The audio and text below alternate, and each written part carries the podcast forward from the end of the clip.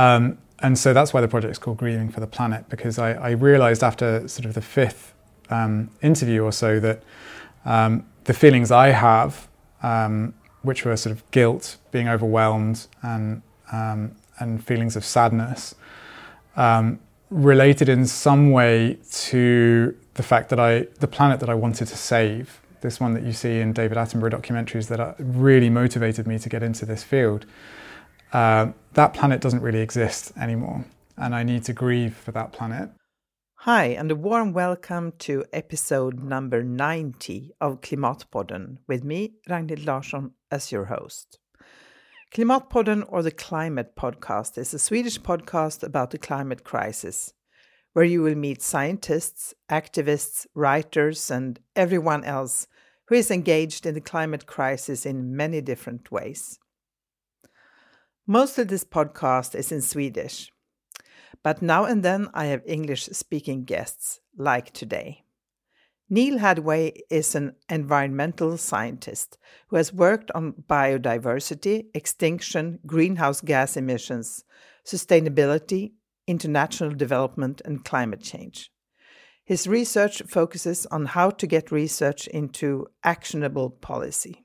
He is also a passionate photographer, and in this episode, we will talk about his photo exhibition, Hope and How to Grieve for the Planet, where Neal explores the emotional connections that science researchers and communicators have with the planet and their work to preserve it. In short, uh, Neal wanted to start a conversation about how frontline workers feel about the environmental crisis we are increasingly feeling in everyday life. Through in depth conversations, these frontline workers in the global fight against environmental crisis have chosen three adjectives to describe their feelings and have selected their own images that they feel capture these words. Some of the common feelings people expressed are frustrated, guilty, determined, disappointed, faithful, hopeless, outraged, powerless. But people also often felt hopeful, at least in part, with adjectives like accepting, committed, connected, hopeful, resilient, resolute. As you might have noticed, Klimatpodden is totally free from commercials. And if you live in Sweden and want to support this podcast, you are very welcome to send any amount, small or big, to Klimatpodden's Swish account 123 396 2974. And a big, big thank you to all of you who have already decided to support Klimatpodden. Another excellent way to support the podcast is to share it with your friends, neighbors, parents, kids, and colleagues.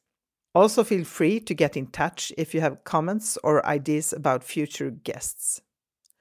You find Klimatpodden at klimatpodden.se and on Facebook and Twitter. And of course, everywhere where podcasts are published. But now it's about time to start this conversation with Neal Haddaway. And don't forget to visit this powerful exhibition at uh, nealhaddaway.com slash hope. Uh, welcome to Klimatpodden, Neal Haddaway. Thanks very much. It's great to be here. Great to have you. And who are you? So, I'm a, a senior research fellow at the Stockholm Environment Institute here in Sweden. Uh, and at the moment, I'm also finishing off a, a Humboldt Fellowship in Germany. So, mm-hmm. I'm sort of one foot in each country at the moment. But I'm originally from Britain. And what uh, kind of projects do you uh, do research on? So, for about 12 years, I've been working with something called evidence synthesis, which is like a very systematic approach to conducting literature reviews with the idea that we want to produce the best available evidence to feed into policy making so mm. that the best uh, decisions are made about which environmental uh, interventions work the best. Yeah, seems like a very important topic. I mean, how do you make yeah. research uh, transform into real change? Exactly. It aims to jump the the gap between often we have very large evidence bases, but they're not being used in practice. Mm. So we collate them um, and summarize them in a way that's digestible and usable by policymakers. Mm. Uh, and it's very interesting because we get to see how research can be done well, but also how it can be done badly. So we see quite a lot of, of waste, but that gives us lessons in how to improve research. So mm. it's, um, it's really about research methods. And uh, how did you get engaged in the climate crisis, biodiversity, and environmental issues? I've always been involved in conservation. So my PhD was in conservation of an endangered crayfish in the UK. Um, and shortly after I finished my PhD, I started a postdoc in Bangor, uh, working with Andrew Pullin, who um, helped to establish the Collaboration for Environmental Evidence, which works with environmental decision making. Um, and I started off working largely around environmental topics um, and moved into more agricultural uh, evidence. And then with agriculture, I was working a lot with soil carbon and storage of soil carbon and greenhouse gas emissions uh, from different agricultural soils. So I started to get into it inadvertently, really. Um, and then about four years ago, um, a researcher from Germany got in touch with me about the methods research that I was doing. Um, and his background is in climate change, so he's a um, very closely engaged with the IPCC. And so we've been working together in my German fellowship, trying to improve the evidence base and methods for summarizing evidence in climate research so that the IPCC reports have better information going into them. So that's how I, I got a little bit more uh, involved in the research around climate. It's always been a concern, and it, it is always a concern for all of us working in the environment. But I was lucky enough to be sort of sucked into the, the climate world officially through my research. Um, and then I've become more interested in the climate um, as it sort of dovetails with all these other problems like the biodiversity crisis and microplastics. So my background is in aquatic research and marine biology. So I'm very interested in, in problems associated, associated with plastics. And all of these crises are, are dovetailing and occurring together, as you know. So Yeah, exactly. You have also produced this photo project, Hope and How to Grieve for the Planet.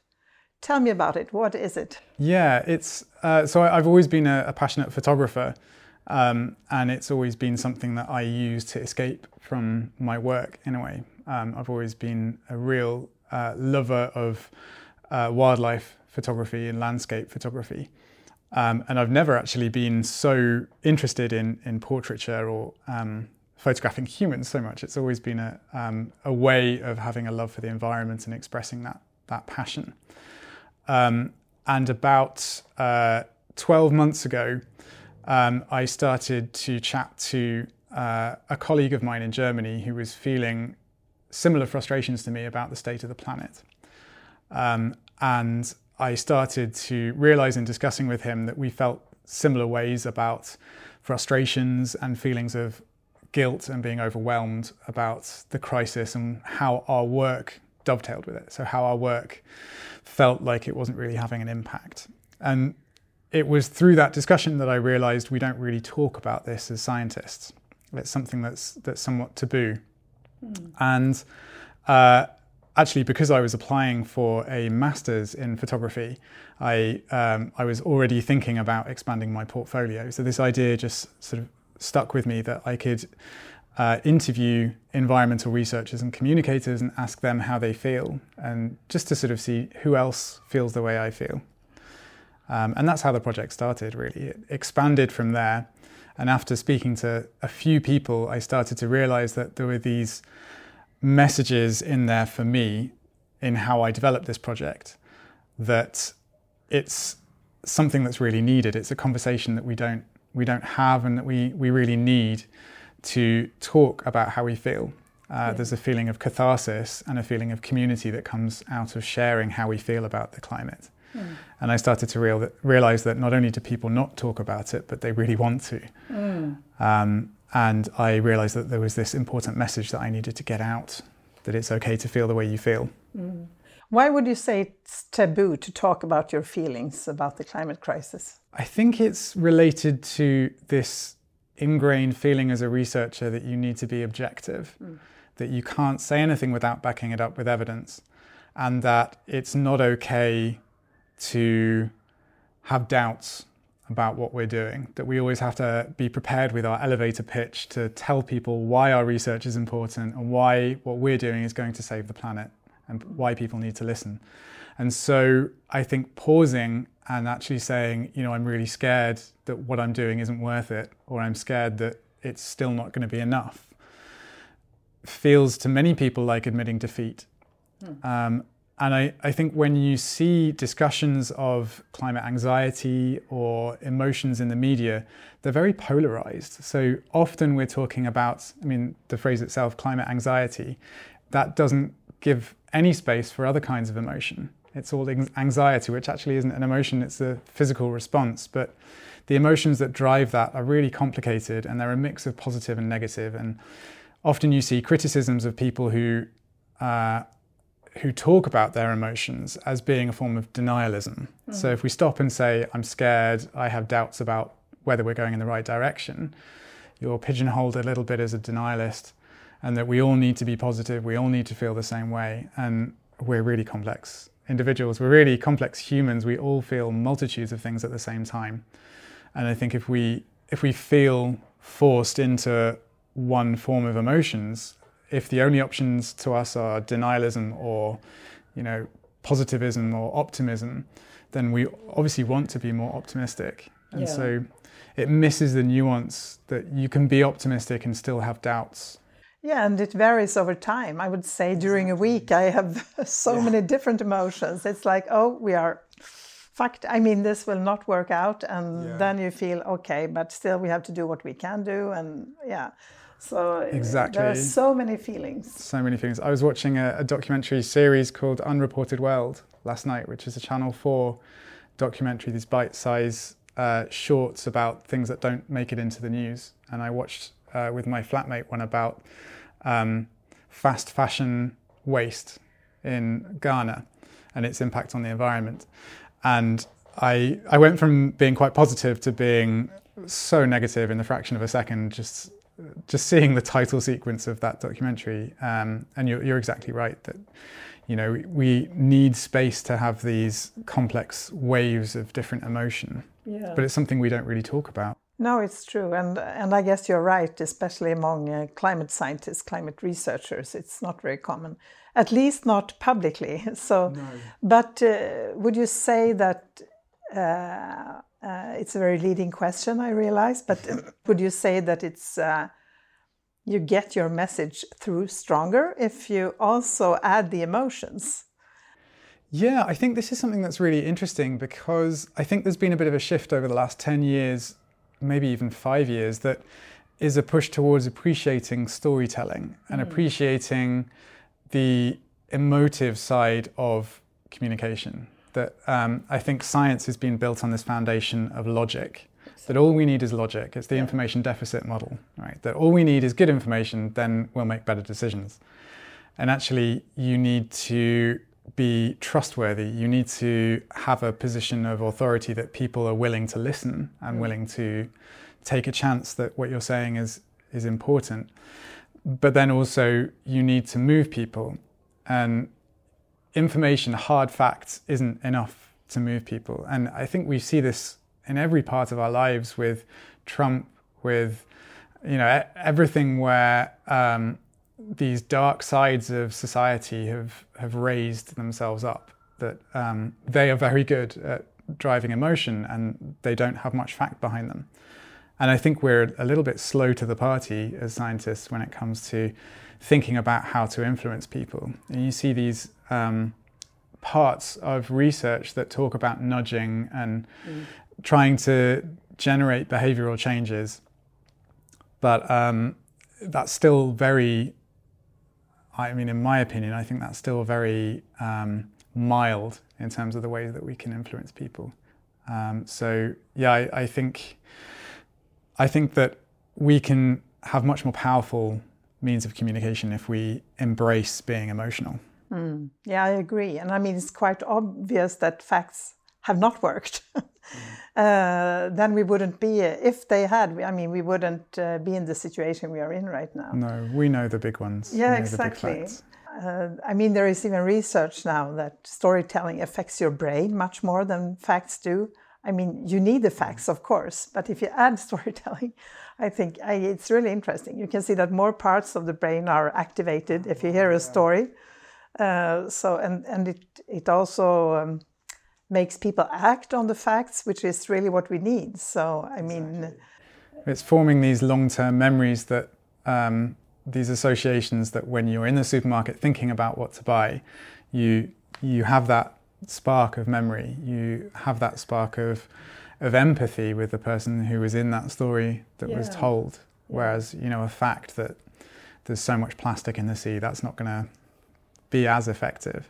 Yeah, and I think we need stories about uh, what to expect if we don't uh, change the course we are on towards mm-hmm. catastrophe and uh, what kind of society we want because i think people have no idea it's like will it be stone age will it be uh, like a tech future you know with high tech uh, yeah. solutions all or... these models that say 2.4 4 degrees difference i yeah. mean people don't understand the difference between climate and weather, let alone what two degrees relative to four degrees means. No, exactly. It's, even for scientists, it's very abstract. Yeah, and here in Sweden, I mean, it's quite hard to see the climate crisis if you don't own, uh, I mean, the forests, uh, there were fires uh, in 2018, severe mm-hmm. fires in the woods, and uh, uh, I mean, uh, people who own farms had to slaughter their animals because they couldn't feed them and so on. So they are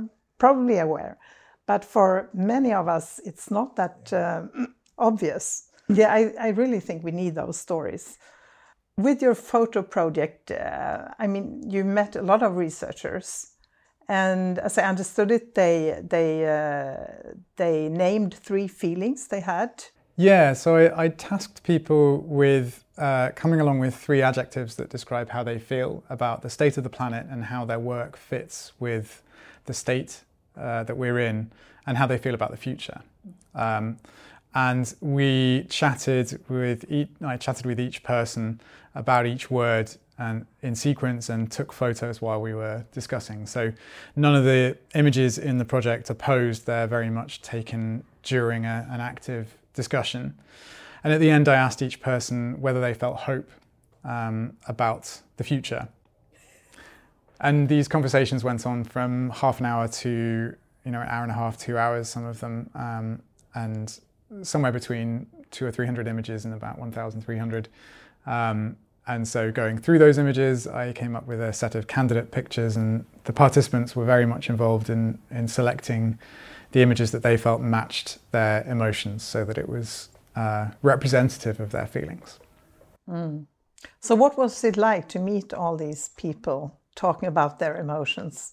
It was it was really wonderful. Um, it was very difficult. You can see from some of the images online that some people got very emotional, which I was incredibly honoured and uh, humbled to have been part of. Um, but uh, it was amazing to to meet people I didn't know. Some of my colleagues I didn't know. So many of the um, the participants are, colleagues of mine from SEI, um, but I also was in touch with people who I hadn't met before through connections or people who'd seen the website. Um, and as I've travelled over the last six months or so, I've um, also been able to photograph people in Brazil and in the UK. Um, and uh, I think the the thing that has affected me the most is that I'm very much, or I was very much, in the negative side of the spectrum. Um, and as I started to speak to people, I started to realize that um, the words that people were giving and the explanations that they were providing sounded very much to me like different stages of grief. You know, the, the commonly reported stages of grief from not really being aware of it through denial to healing and, and moving on. Um, and so that's why the project is called Grieving for the Planet, because I, I realized after sort of the fifth um, interview or so that um, the feelings I have, um, which were sort of guilt, being overwhelmed, and um, and feelings of sadness um, related in some way to the fact that I, the planet that I wanted to save, this one that you see in David Attenborough documentaries that really motivated me to get into this field, uh, that planet doesn't really exist anymore. And I need to grieve for that planet. But in doing so, I can heal myself and aim to move on to being proactive and optimistic about a, a planet that we can save. And so that was quite a realization for me personally. Um, and I think the really interesting thing um, for me has been recognizing feelings that I share with some people, but seeing that other words that they report are more positive. These words like resilience or resolute or optimistic or hopeful that I don't perhaps see in myself or find it hard to recognize, but I can learn from what they're talking about. I can I can see that as a point I can aim towards, and that really has made me feel a lot more positive about my future in the world that we're living in in the, the trials and tribulations that we have ahead of us in the, the climate fight. Um, so that has been um, able to give me this wonderful sense of community.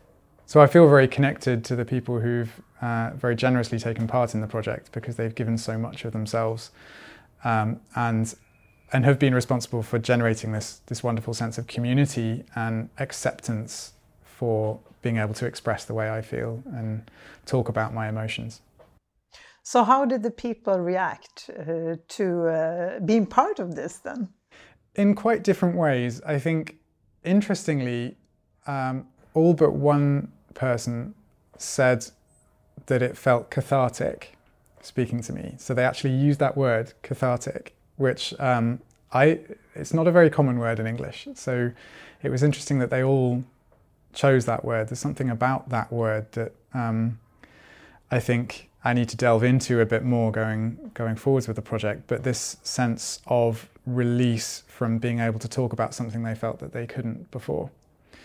Um, and I started the project about 12 months ago, and I've now spoken to a few people who I spoke to at the start.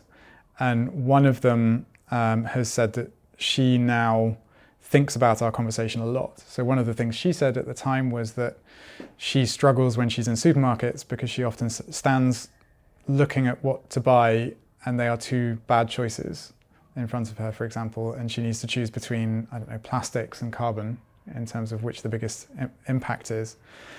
And she previously felt that there was no good choice. She couldn't talk to anyone about it. She went home and felt really guilty about what she'd bought. And now she says she speaks to people that she's in the supermarket with. So she goes with a friend, she explains why those choices are difficult.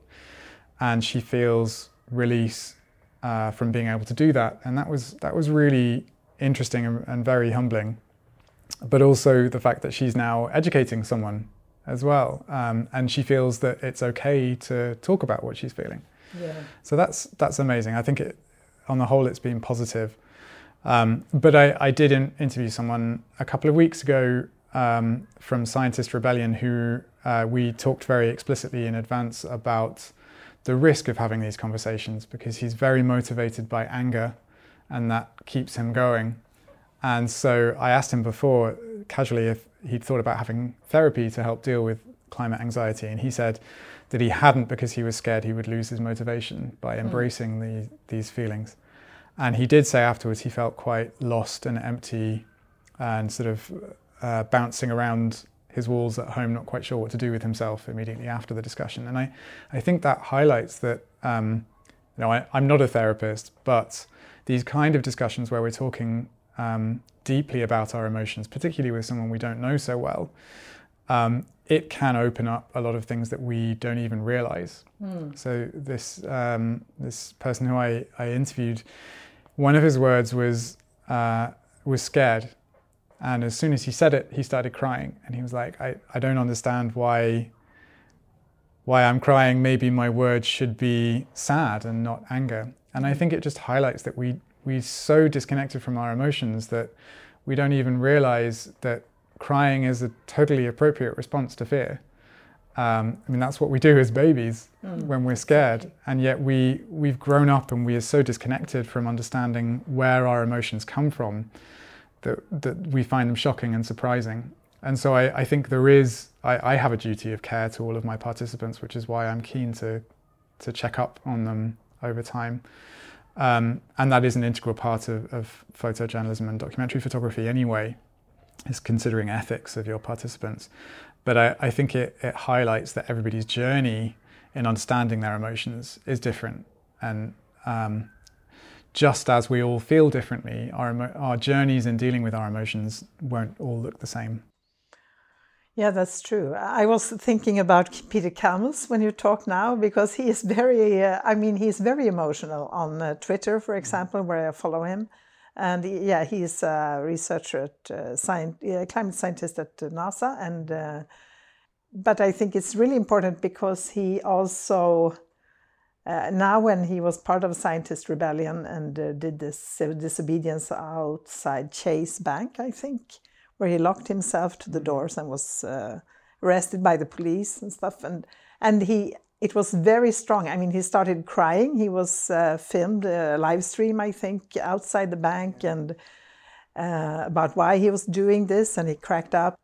And I mean, I I really feel that I don't know I am not maybe the ordinary person here because I'm very deep into the climate research and climate crisis, but so I'm not really sure how it affects uh, a person who is not. But uh, to me, it really makes his message uh, so much stronger. It's like, okay, if even scientists are crying about this, uh, maybe we have a problem. I mean, maybe, maybe we, we should listen. Uh, listen. Yeah, exactly. Yeah, I think that's exactly that's exactly it.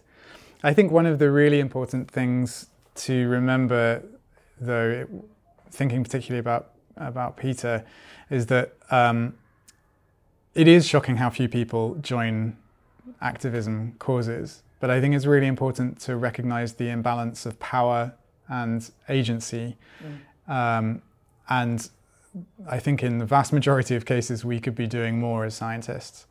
But it's also important to recognize um, that it's, it's not as open a pathway to everyone. So I've recently been involved in a documentary that was looking at group therapy for seven scientists in the US um, who are all environmental scientists, and it was looking at it was group therapy around climate anxiety.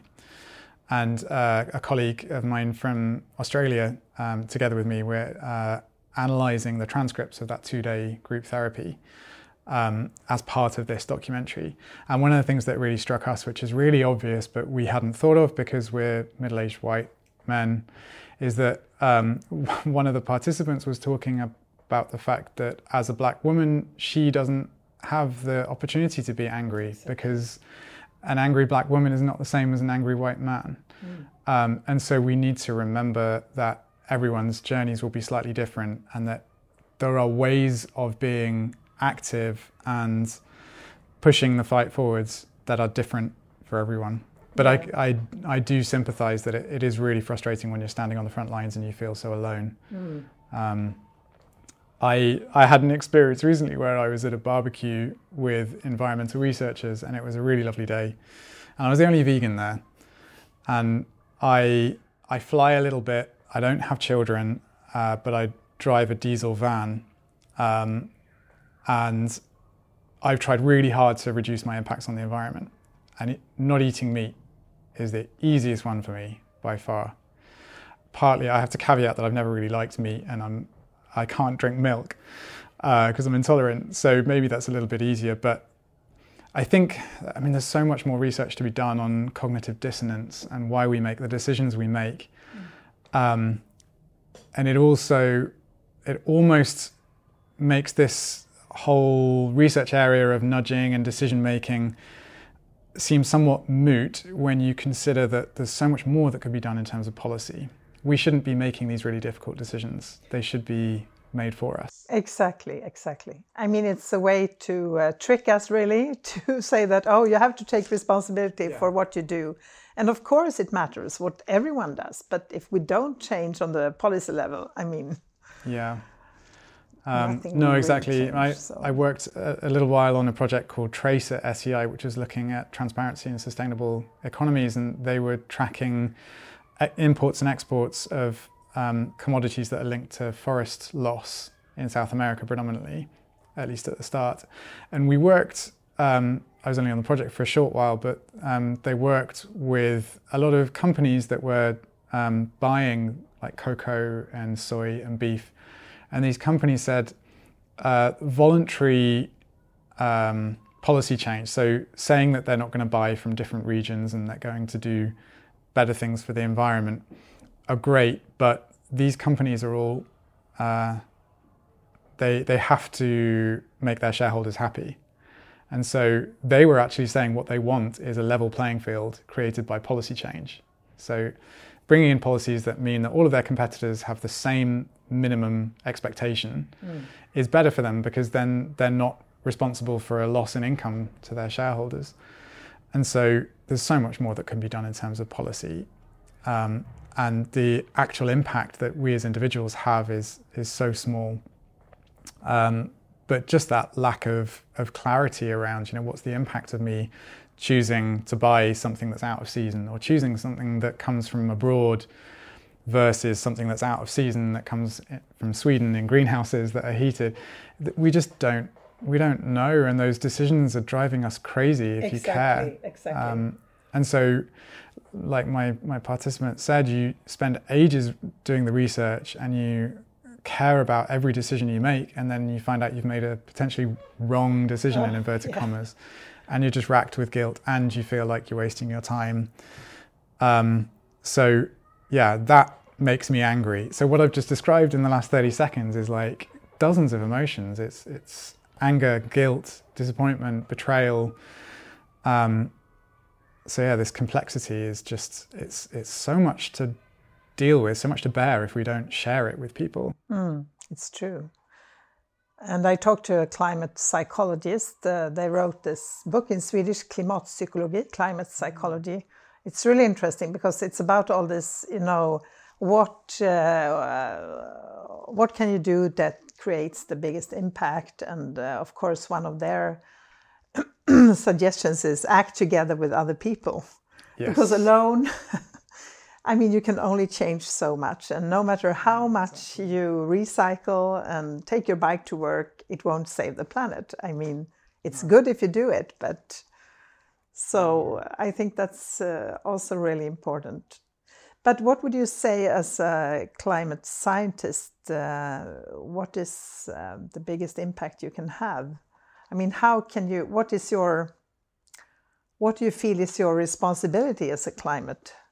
I'm not sure I can call myself a, a climate scientist really because there's so many people who, who work so much more closely with it. Mm. And I'm sort of, I'm one step away um, from the great work that they do.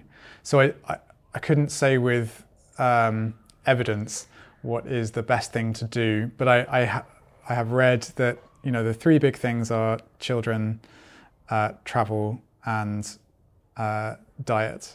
Mm. And um, I, I mean, who am I to disagree with that? But I, I would really strongly agree with what you said that there's a fourth that is act mm. together, mm. and that whatever we do on an individual basis is great, but the, what we need is systemic change. Hmm. And systemic change doesn't happen by individuals taking decisions individually not in the timescale that we need. No, exactly. Change. That's the problem. If we had, uh, I mean, a decade or uh, 30 years or 40 or 100 years, maybe, or 100, yeah. yeah. Because I, I think the really great thing that gives me a lot of hope is is children. The choices that children are making, the demonstration of responsibility that children are already making today, um, does give me hope. But the children of today aren't going to be in power for 40 or 50 years.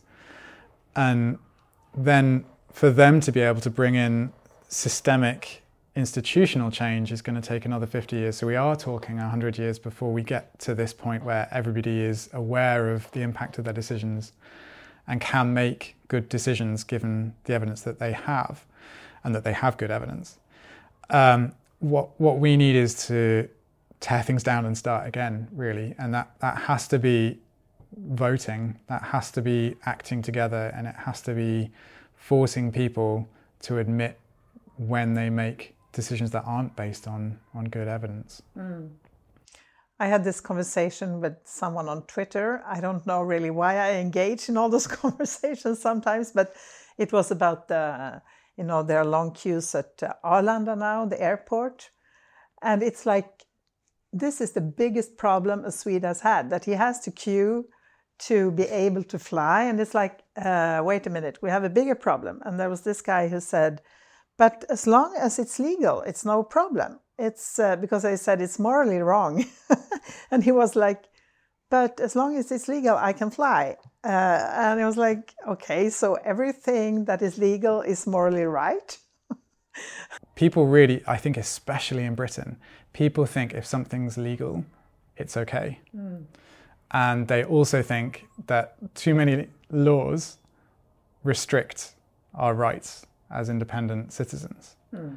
And I, that scares me. That really scares me, mm. and it makes me it makes me very emotional to think that um, you know what can we do if if it's so hard to nudge people into good decision making, and people don't want their their um, freedoms restricted, exactly. which we've seen from COVID. Mm. How are we going to change things? Mm. How are we going to get people to buy better food? How are we going to get people to reduce their use of, of personal transport? Because, I mean, it's clear already that switching to electric vehicles is not going to be enough. Exactly. It's still going to have a huge impact. It's going to have a, a worse impact on people living in areas where we need these rare earth metals for superconductors. Um, the carbon impact, the carbon footprint of producing wind turbines is huge because of all the concrete you know, I, I think we we're in such a difficult position where the solutions we have are still not great. Mm, yeah. And the one solution that we haven't discussed, we don't discuss at all institutionally or publicly is this systemic change, this degrowth. And it's almost it's a concept you can't discuss. It's something that you just get laughed off the table if you bring it up and that that hurts. That I really struggle with, um, and that is something that takes away a lot of the hope that I have. Mm. Yeah, I agree. And since politicians don't talk about this, no politician will tell you that you have to reduce your energy consumption or your consumption at all. And and the media, uh, I mean, my colleagues, they don't really do their job. I think it's it's uh, quite. Uh, I, it uh, yeah, it's really frustrating, I think, because they don't even, if IPCC comes up with this report and says it's code red for humanity, and no politicians is asked, what will you do about this? There was this report just recently that said that Sweden has to um, reduce the emissions this year with 20% this year. And we are, or it's already June. and and uh, no politicians is asked how will you do this? They have this political debate once more at TV, national state TV, television, and uh, they only talk about nuclear power. And it's like, this is not happening. I mean, I can't it's understand insane. it. Yes, it's insane. And then when you think about, I mean, the last three years in Sweden, the summers have been at times very hot. And the, um, the flats in, in Stockholm are very well insulated and they're not designed to deal with 30 degrees, 35 degrees for an extended period. The days are so long. And all of my friends bought air conditioners. And you think, like, what's that going to do to electricity demand over the next five, ten years as we start to see more heat waves? It's just going to peak. And I saw something yesterday. It was um, shows the power of, of photojournalism. I think it was talking about the energy crisis in the US, and there was an image of someone sat outside um, a a place that said um, I can't remember the the word, but it was like a climate um, climate controlled area or like a cooling room. So people who couldn't afford their own electricity could go and sit in a room that was bearable mm. somewhere incredibly hot in the US. And you think, you, we have all these movies and TV series about dystopian futures, and we're in one. You know, people have to go in the UK, people sit on buses because they can't afford to heat their homes in the winter. In the US now, people are sitting in cooled rooms because they can't stand the heat in their own homes. And actually, Annalie, one of my participants, explained to me the wet bulb uh, temperature um, concept that there's a there's a physical limit to the combination of high heat and high humidity that people physically cannot survive, and we're getting very close. And it, you just think, on the one hand, people have been at this limit for so long in uh, the global south, in places like India, the um, the heat waves that we've had so far this year have been uh, unbearable for many, and yet we're experiencing this now in the West, and people are still not acting. Mm. No, that is kind of uh, that is not kind of that is really really scary. I think. Um, and you had these fires in Australia, the severe fires, uh, and they kept this government that was supporting the fossil fuel industry. But now they have finally gotten a, yeah there are signs of hope yeah a better government but, yeah. yeah. I, th- I, think one of the the things that stuck with me from my project as well was that many people said that uh, this concept of hope is very passive. It's very linked with blind faith. And uh, i think I, I i really agree with that that you can feel hopeful about things but we need to do so much more than just hope yeah. We yeah. really need active change that, you know, a change in government is a sign of hope. But I mean, we, we know how politics works. So, what role would you say that uh, a climate scientist could play in uh, if they talk more about their emotions publicly? I mean, not only colleague to colleague, but or friend with friends, mm. but could it have an impact, would you say, on people's uh, how much people are aware of the climate crisis? I think it could. I, I would caveat that with I think there's a real need for safe spaces on the one hand, so that people can talk about how they feel safely and securely.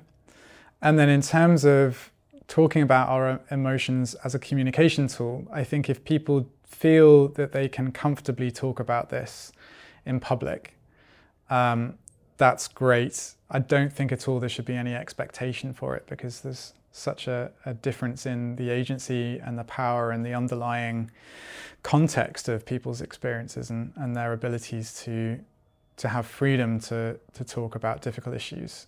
Um, but I think, I mean, there's this phrase, it all starts at home. And I, I think trying to have conversations about this with friends and family is, is a start.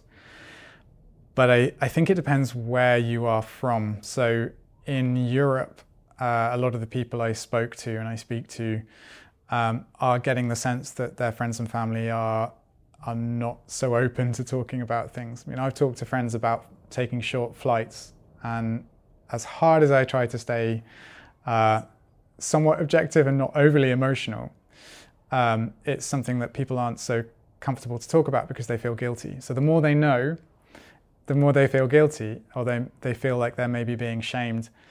Um, whereas one of the people I spoke to in Brazil, for example, um, because I think the level of education and awareness there is lower, um, Elena felt that she had a more positive response from raising these issues with her friends and family. So I think it really depends on on where you are and, and what you feel is possible. Um, but also what you feel you have energy for. I yeah, that's true. It's so important to remember that people are at different places in this journey, and many of us are right on the limit of what we feel we can do. We give 110, 120% of our energy to our jobs. And so, you know, some of us can't read the news because it's just too painful. And it's it's okay. It's okay to open your news app, to open the newspaper, and to skip past climate news because there's nothing in there that's going to motivate you positively. Mm. And so this is a, a, concept I, I really think we need to do more of as a community is to think about the diversity of communication messages. That there is no one message that needs to get out there about climate science, that politicians might need a different message to the general public. Mm. and I also think it's really important that we start thinking about possibly equipping future researchers with the skills needed to be able to look past um, some of the communication that, that we get. So, some of the messaging that we get that's very dramatic and upsetting, maybe they need to learn how to move past it without feeling guilty because they already know it. Mm. They already know what needs to be done. In some cases, maybe they don't. But I think we would benefit from thinking about a diversity of different messaging. Like what works in communication is something that's really not being thought of much. Um, although there, you know, there are promising research studies that are looking at, at different forms of communication. But yeah, I think for some people, they're going to be able to have these conversations with strangers, have these conversations with their family. And for some people, it's just going to be too hard, and that is okay. Yeah. And what they might need is to be able to sit down in a quiet room and speak to a stranger um, who maybe they're a therapist or a counselor.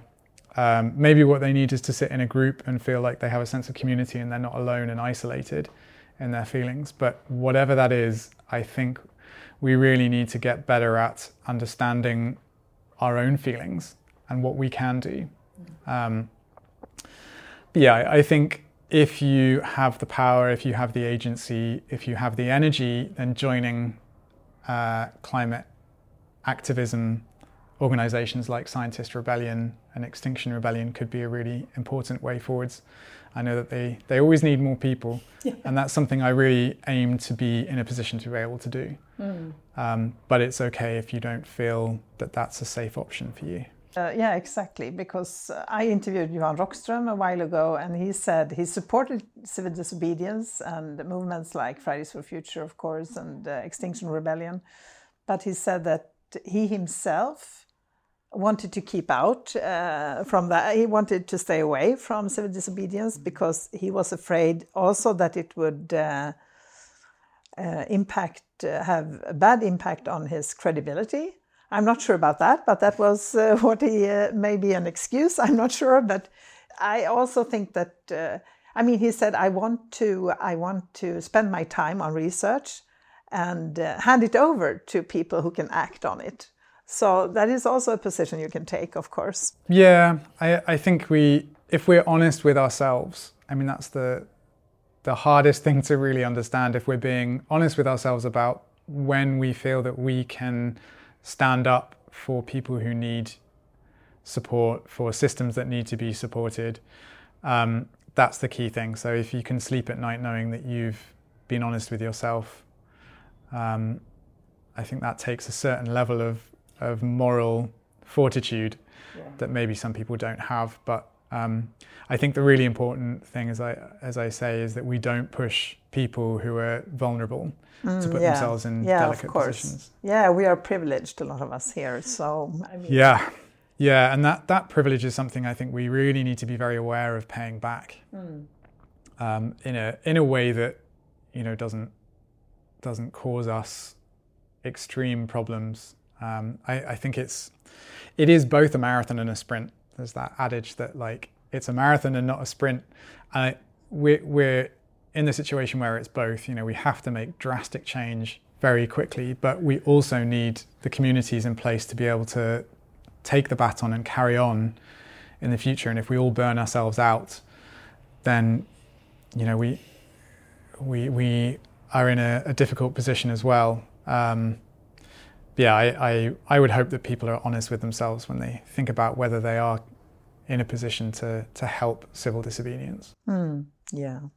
You talked earlier about skipping like the climate news and so on. Do you do that yourself uh, from time to time? To... I, I tend to actually read the, well, I, I'm image driven, so I, I look at the images on my app and I, I always have that climate section of the Guardian app there because I find it motivational. Um, but I, I read the headlines and I read that first paragraph intro chunk. And if I feel that I've got something to learn, I'll read more. Mm. But I will often skip on. Um, I, it very much depends on on what I feel like during the day. Um, and how able to cope with negative news mm. I am. I, I want facts. I want be I want to be able to be conversing with people. I want to be able to ha- communicate with people and have the evidence to say, yeah, there's these heat spikes in the Arctic and the Antarctic of such and such a degree. So those numbers, that information is helpful, um, but it, I think, beyond retaining a little bit of information to back up the story that we know is true, that we need to act urgently on climate change, I often, I often do skip that part of the news. Mm-hmm. What gives you strength to continue or the energy to continue? That's a really tricky question. Um, so I'm about to leave research uh, temporarily, perhaps, to study photojournalism and documentary photography as a master's for a year in the UK.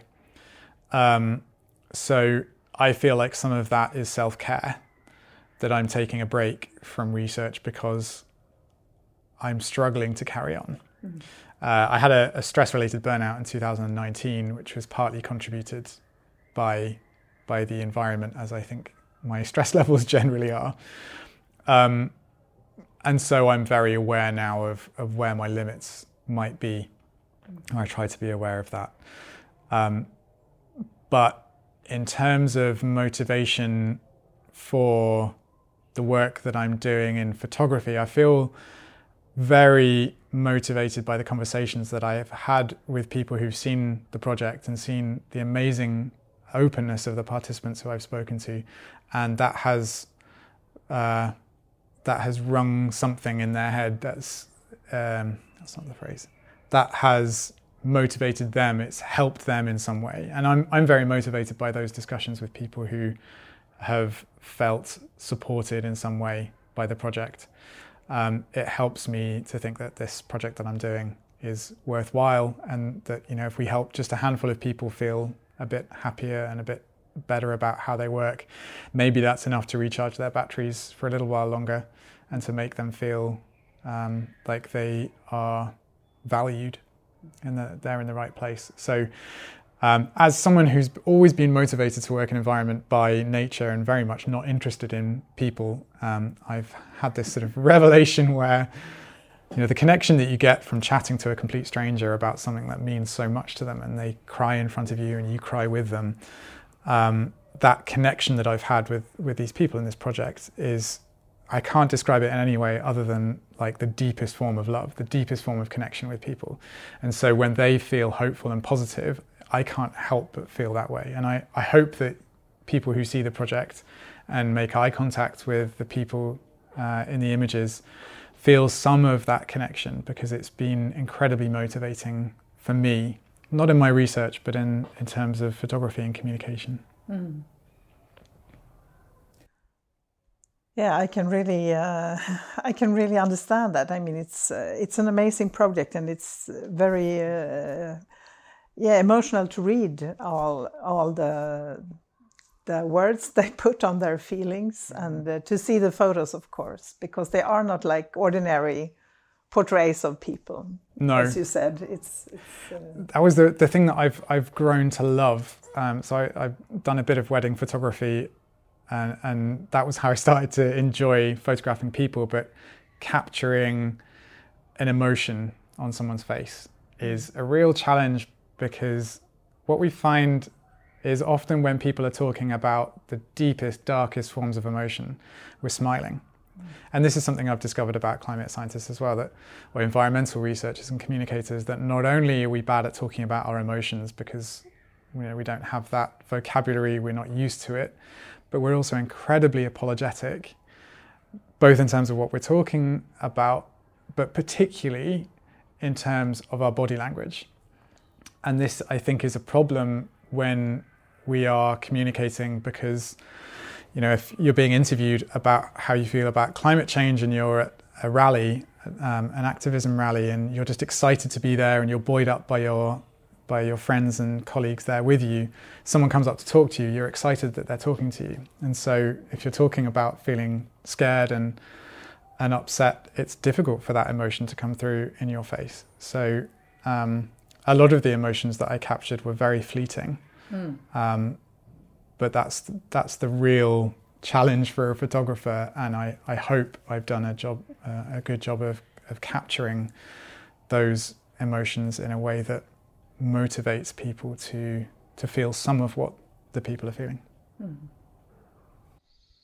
Yeah, and when you talk about scientists and their emotions, and I, I feel a little bit the same since I'm part of Extinction Rebellion uh, with climate mm. activists, because we keep on doing stuff all the time, and we we quite seldom give ourselves the space to talk about the emotions. Yeah. So it's like it's it's it's like you uh, put a distance to what you do, in part to survive. I mean, to not to mm. cope, really.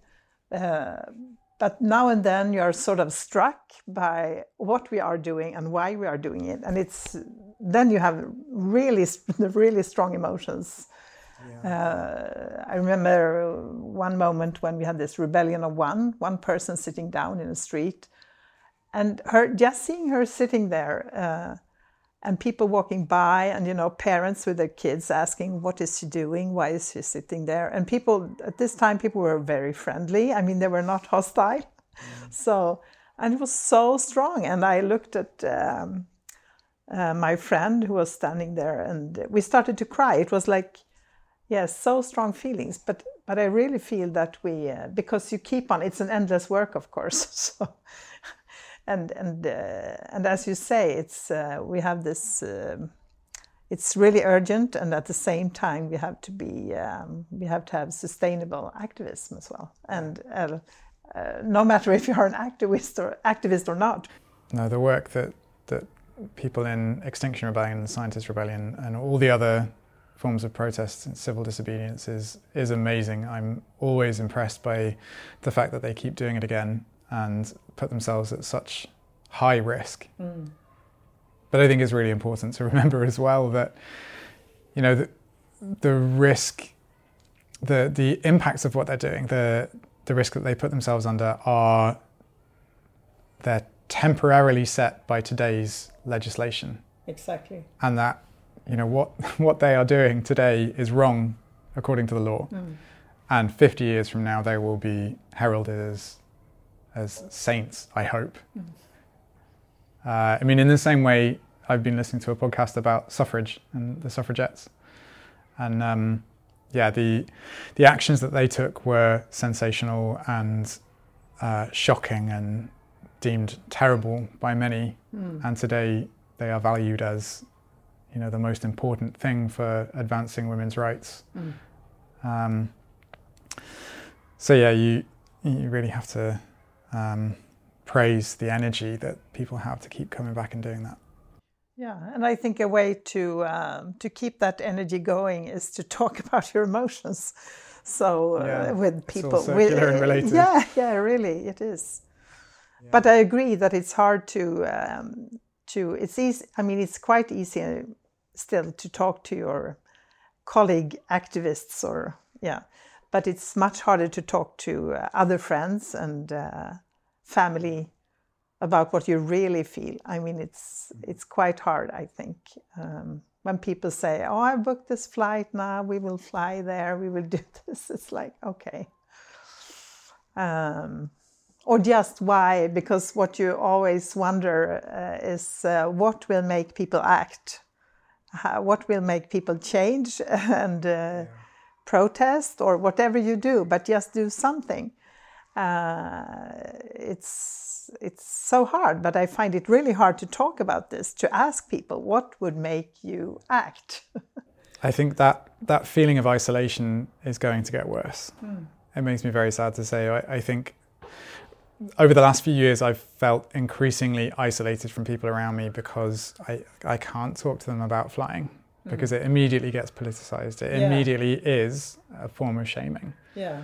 And so I bite my tongue or mm. I decide not to hang out with certain people. Mm. And so, you know, we've just got through a pandemic. I was isolated in Berlin for a really long time without seeing anyone. I'm already feeling pretty isolated. So the the idea of trying to raise that kind of thing with my family is just, you know, I'm not sure I can do that.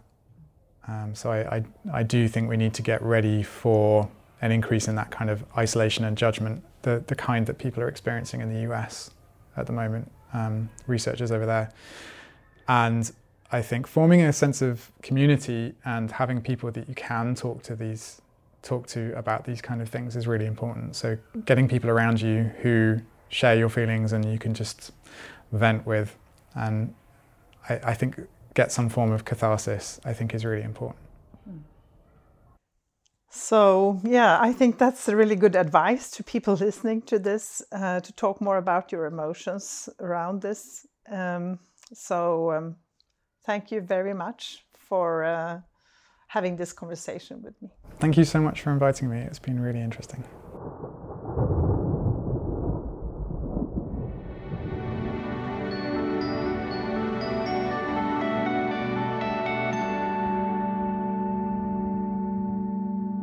You have listened to Klimatpodden, a Swedish podcast about the climate crisis, produced by Convoy Produktion. The guest in this episode was Neal Haddaway. You will find more information about the podcast and this episode at klimatpodden.se. Please follow Klimatpodden on Facebook and Twitter. And if you want to support the podcast, you are very welcome to send any amount, small or big, to Klimatpodden's Swish account 123 396 2974.